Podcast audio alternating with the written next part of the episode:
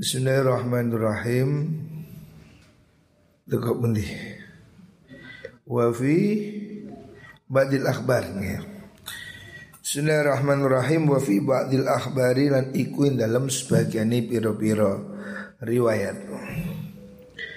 An-Nausni Rasulullah sallallahu alaihi wasallam Iku akhbaro awe khabar sopo kanjeng Nabi Iku akhbaro awe khabar sopo kanjeng Nabi. Awe khabar Bidzalika Bidzalika kelawan mengkono-mengkono Niku Abu Bakar niku. Fakola Mongko dawu sopo kanjeng Nabi. Dawuh awama alimtum ono to ora weruh sira kabeh. Anna siddiqa sudune Abu Bakar Siddiq. Iku la yadkhulu ora bisa mlebu jaufahu ing lambunge Abu Bakar Siddiq. Apa illa tiban? Angin perkara kang bagus. Jadi Abu Bakar ini tidak bisa makan sesuatu yang tidak halal. Memang orang yang betul-betul hati-hati dalam soal makanan. Dia tidak bisa makan sesuatu yang tidak halal. Wakadilika kemungkin Abu Bakar lama syariba semangsane nginum nginem sopo Umaru Sayyidina Umar bin Khattab. Labanan ing laban puan. Min ibilin min ibilis sodakoti saking puan sodakoh. Sayyidina Umar pernah diberi minum susu sodakoh. Artinya susu yang seharusnya itu dibagikan ya susu apa unta yang unta itu merupakan unta zakat. Ngerti maksudnya. Golaton kelawan keliru secara tidak sengaja. Abu Bakar pernah Oh ini Sayyidina Umar minum susu yang dia itu tidak tahu kalau itu bukan haknya. Fa'at khala mongko nglepuaken sinten Sayyidina Umar? Usbu'ahu ing trijine Sayyidina Umar. Wa taqayya lan amrih muntah sopo Sayyidina Umar. Sayyidina Umar pernah dikasih minum susu yang itu susu dari unta unta zakat. Sayyidina Umar tidak tahu. Setelah dia tahu dimuntahkan ya. jadi tidak ingin kecampuran sesuatu yang tidak halal jadi seorang Sayyidina Umar hati-hati. Nggak kepingin kecampuran susu walaupun cuma susu yang haram yang bukan haknya. Sudah kadung diminum mulutnya dimasuki tangan diuntahkan kembali. Waqala lan Daud Aisyah tu Sayyidah Aisyah radhiyallahu anha Innakum setunis la taghfaluna yakti lali sira kabeh an asril ibadati saking pokok ibadah. Wal wara'i lan sifat wirai. Wal oh huwa ngaten enten hae mesti ini huwa utawi mengkono asrul afdalul ibadah ini sare asrul ibadah tapi afdalul ibadah an afdhalil ibadah sing luwih utaman ibadah. Huwa uti afdhalul ibadah iku al wara'u sifat wirai. Ya. wirai ini inti atau afdol dari ibadah. Hati-hati wira itu sikap tidak ngawur. Terutama soal makanan soal minuman ya.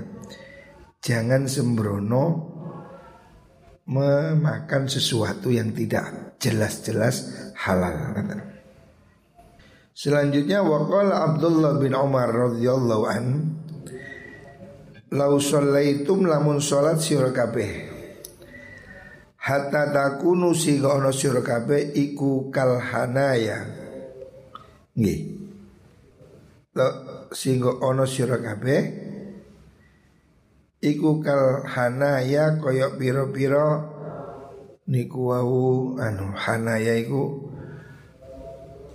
ini lho panah itu lah kaus kaus busur busur panah busur panah itu kan tipis toh Seandainya kamu puasa sampai gepeng seperti busur panah ya. Wasumtum Oh, lau sholaitum lamun sholat sira hatta takunu singgo ono sira kabeh iku kal hanaya kaya pira-pira gendewo. Nah, gendewo bahasa Jawa ini gendewo. Busur apa bukan busur apa ini? Lek busur kan isinya Iki lo gendewo itu apa? Pelengkunge iki lho, apa sini? Pelengkunge panah kan panah itu ada ada ada apa namanya ini? Anak panah iki busur ya. Oh iya iki busur ya. Seandainya kamu sholat sampai melengkung kayak panah apa busur itu kan melengkung ya. Sampai bungkuk maksudnya. Meskipun kamu sholat sampai bungkuk. Wasumtum lan sira kabeh. Wasumtum lan poso sira kabeh. Hatta takunu sehingga ono sira kabeh. Iku kal autari. Koyo piro-piro Napa jenis Iku kal autari koyo piro-piro Yo anu Tali. Tali ini apa itu jenengi? Panah itu. Jadi seandainya kamu sembayang sampai bungkuk terus kamu itu puasa sampai sak tali saking kurusnya ma tukup bila mongko ora diterima itu tidak akan diterima. Mingkum saking sira kabeh apa zalika mengkun mengkun ibadah? Illa biwaroin angin kelawan sifat wirai. Illa biwaroin angin sifat wirai hajizin kang nyegah saking maksiat. Ya. jadi menurut beliau tidak ada artinya kamu sholat sedemikian ngotot. Kalau memang ternyata kamu makananmu ngawur ya. Kalau kamu tidak wirai Maka tidak ada artinya kamu Tirakat sedemikian rupa. Sampai puasa Sampai sholatnya Sampai bungkuk sekalipun ya. Kalau makananmu tidak halal Maka itu semua tidak diterima oleh Allah ya bila Makanya kita harus hati-hati ya Soal makanan ini jangan diremehkan hendaknya semuanya harus berhati-hati ya. Jangan sembrono soal makanan. Karena makanan ini sangat berpengaruh kepada uh, diterima atau tidaknya sholatmu. Ibadahmu menjadi tidak berarti kalau kamu tidak wirai, tidak hati-hati dalam makanan. Makanan ya pakaian pokoknya yang kita ambil dari harta. Wa qala dawu sapa Ibrahim bin Adham ke Ibrahim bin Adham rahimahullah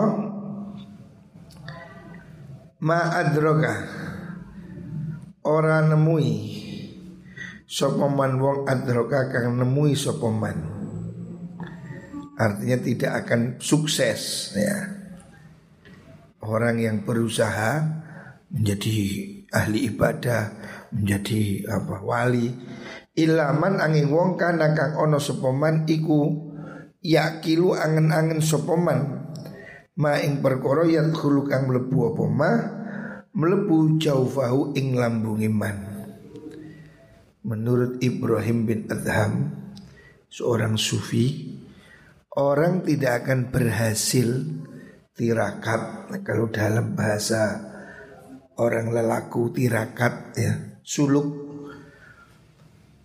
Orang tidak akan berhasil kalau dia tidak hati-hati memilah-milah apa yang dia makan. Nah, jadi faktor makanan ini penting. Karena ibadahmu bisa tidak diterima gara-gara kalau kamu makan tidak halal. Wa qala lan dawu sapa Fudailun Kiai Fudail Fudail bin Iyad ya. Ada seorang wali namanya Imam Fudail bin Iyad. Fudail dawu Man utai sapani wong iku arafa ngerti sapa man. Siapa orang dia tahu memahami ya. Ngawuri ma ing perkara yadkhulu kang mlebu apa ma melebu jauh fahu ing wetenge wong. Siapa orang memahami apa yang keluar Apa yang masuk ke mulutnya Apa yang masuk ke perutnya. Artinya dia ini nggak ngawur ya. Memilah-milah. Kadaba mongko nulis su ingman Sindan Allah Gusti Allah Siddiqon ing aran siddiq ya. Allah akan mencatat dia sebagai asidik ya. Orang yang betul-betul sungguh-sungguh mengabdi kepada Gusti Allah. Jadi kata kuncinya makanannya dijaga ya. Kalaupun kamu bekerja apa pun itu tidak masalah.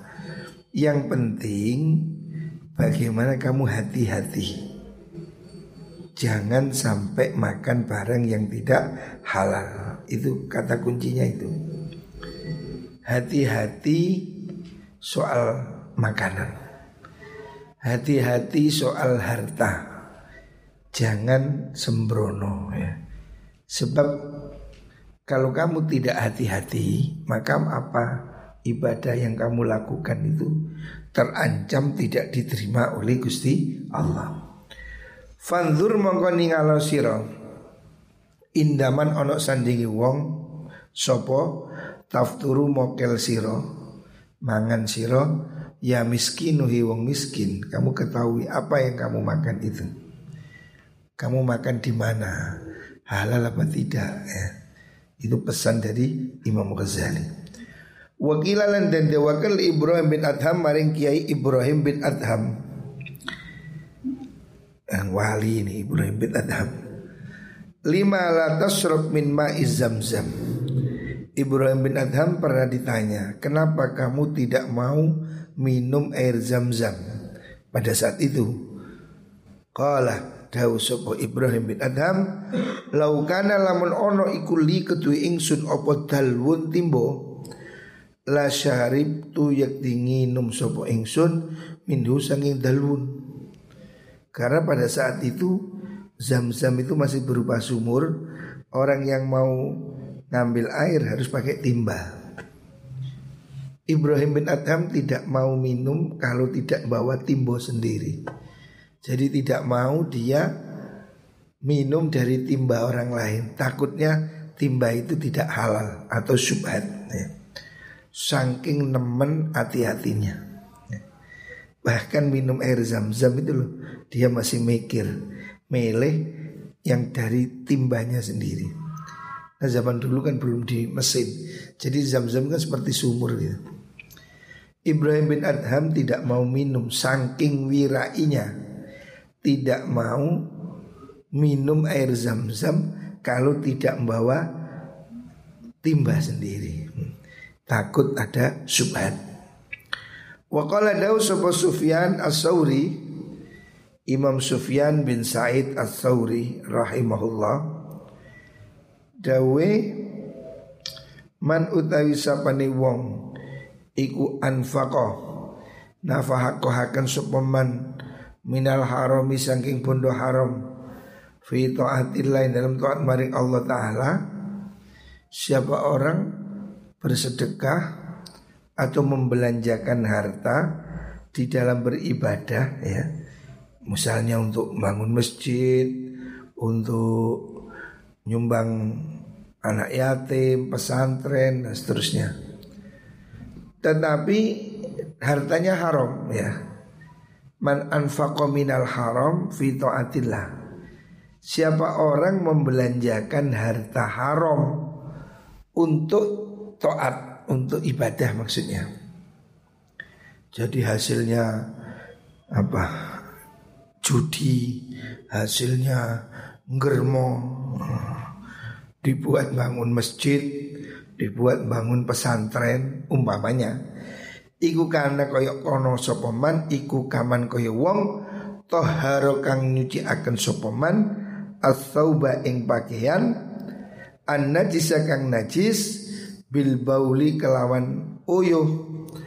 Wasaubu te pakaian an najsu kang najis. Iku layat huru ora suci apa saub illa bil ma'i angin kelawan banyu. Jadi siapa orang sodakoh dengan harta haram itu ibaratnya seperti cuci baju dengan air kencing. Padahal baju ini kalau najis tidak bisa suci kecuali dicuci dengan air. Lah kalau dicuci dengan air kencing kan gak guna nih. Mencuci kok dengan air kencing. Artinya sodakohnya dia itu tidak ada artinya, tidak diterima. Lah terus gimana? Hartanya gimana?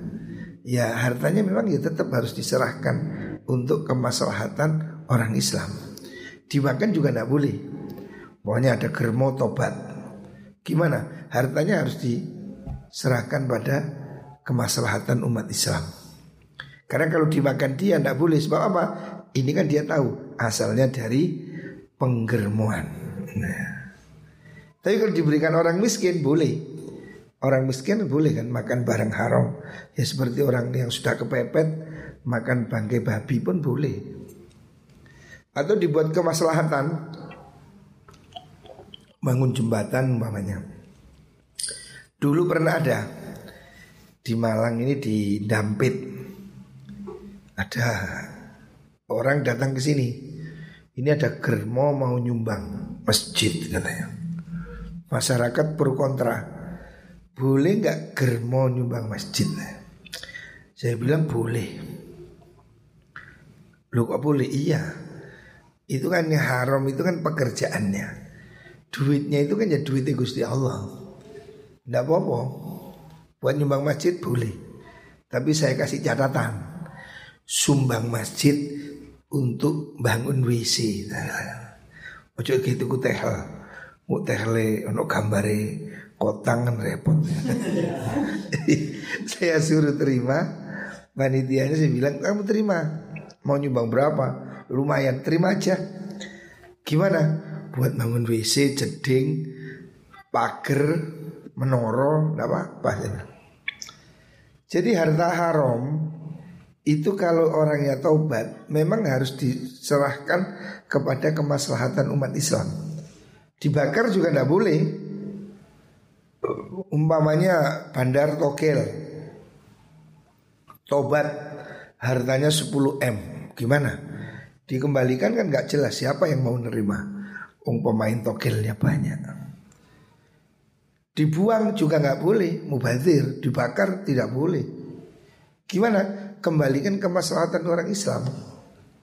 Buat beli lampu, buat bangun jalan, buat bangun apa lagi kemaslahatan umat Islam. Itu boleh, tidak apa-apa ya. Ya memang begitu cara mentasarrufkan harta yang haram. Ya. Bukan berarti pekerjaan boleh, pekerjaan itu tetap tidak boleh, tapi solusi. Nah, ini kan soal solusi. Umpamanya ada bandar narkoba, tobat.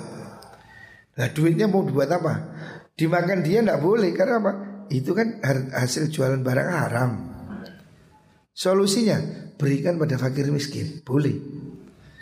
Berikan pada apa? Ya bangunan kemaslahatan umat Islam. Bangun perguruan tinggi, tidak apa-apa bangun stasiun TV, tidak apa-apa untuk dakwah ya. Itu diperbolehkan.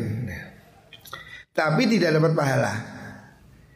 Sodako harta haram itu tidak dapat pahala. Tapi harus diberikan memang. Wadzanbu so iku layak furuha layak furhu ora bisa nglebur hu ing dzanbu Opo illal halalu angin perkara kang halal ya. Sodako ini kan ada manfaat untuk melebur dosa. Tapi kalau hartanya halal Kalau harta haram tidak ngefek ya. Wa Yahya bin Mu'adz Landau sapa Yahya bin Mu'adz Ar-Razi. At-ta'atu utawi penggawean ta'at. Maksudnya ta'at pada Allah Iku khuzanatun Iku khuzanatun gedong Min khoza inilah saking piro-piro gedongi Gusti Allah. Wa mafatihu hautai piro-piro kuncine khozana Iku ad-du'a'u dungo. Ya. Jadi ibadah itu seperti gedung Kuncinya adalah doa. Wa asnanuha Mungkin wa asnanuhu nih Rujuknya ke miftah itu Wa asnanuhu tai piro-piro untune miftah Kunci itu kan ada geriji-gerijinya Ada untunya itu Iku lukmatul halali Panganan halal ya. Jadi ibadah itu kuncinya doa Doa ini Gemboknya ini Mata mata kuncinya adalah makanan halal ya. Kalau makanannya tidak halal berarti gemboknya tidak bisa dibuka. Kalau gemboknya tidak dibuka berarti ibadahnya tidak bisa dibuka. Wakala Ibnu Abbas dawu supaya Imam Ibnu Abbas Bundio Wala balu dan orang rimo sinten Allah Gusti Allah Salat tamriin ing salat wong suci Wa fi jawfihi lan iku ing dalam lambunge umrun di perutnya haramun utawi bondo haram. Siapa orang makanannya haram maka sholatnya tidak diterima oleh Gusti Allah. Ya, hati-hati rek. Inilah pentingnya ngaji nih supaya kamu hati-hati. Kalau makanannya haram, sholatmu tidak diterima oleh Gusti Allah. Terus beli. Wa qala Dawud Sahal Imam Abu Muhammad Sahal. Maksudnya Sahal bin Abdullah At-Tastari Seorang sufi yang terkenal. Dawung ini layab luhu orat dan layab luhu orat Tumeko sopal abdu kawulo. Hakikotal imani ing hakikot iman Hatta yakuna sehingga ono iku fihi ing dalam abad Apa arba'u khisolin papat biro-biro perkoro Rupane ada ulfara ini nekani piro-piro fardu Bisunnati kelawan sunnah. Seorang itu tidak sempurna imannya Sampai dia melakukan empat hal. Yang pertama Sholat fardunya dilengkapi dengan sholat sunnah. Yang kedua Wa aklul halalilan mangan bondo halal Bil wara iklan sifat wirai. Makan halal ditambah dengan wirai. Artinya wirai ini di atasnya itu. Hati-hati. Wantinabun nahilan nyekah mencegah larangan minal zohiri saking amalan zohir wal batini lan batin mencegah perkara yang dilarang Allah secara total lahir batin. Wasabrulan sabar ala dalika yang semengkono mengkono istinabun nahi niku ilal mamati sampai mati. Empat hal ini yang membuat iman orang jadi sempurna ya. Yang pertama sholat fardu diimbangi dengan sunnah. Yang kedua makan halal ditambah dengan wirai. Yang ketiga menjauhi larangan lahir batin. Yang keempat sabar menjalankan itu. Nah ini pintu kesempurnaan iman menurut uh, Hasan At-Tastari. Wa qala dawu sapa niku Hasan Sahal niku At-Tastari man desa pane wong iku habba demen sapa man ayu kasafayen to den buka akan sapa man bi ayat siti hina kelawan piro-piro tondo-tondo atau ayat itu tanda kekuasaan Wong kang podo sidikin, sidikin tingkatan dari aulia. Siapa orang kepingin dibuka hatinya, maksudnya hatinya ini dibuka menjadi takut Allah seperti para aulia itu. Caranya gimana? Falayak kulu mongko ojo ramangan sopaman Falayak kulu mongko ramangan sopawang Illa halalan angin perkara halal Walayak malunan orang lakoni sopaman Illa fis sunnati angin ing dalam sunnah Jadi kalau kamu kepingin hatimu dibuka oleh Allah Hatimu bisa takut Bisa seperti yang dirasakan oleh para wali Kuncinya makananmu harus halal. Itu kuncinya.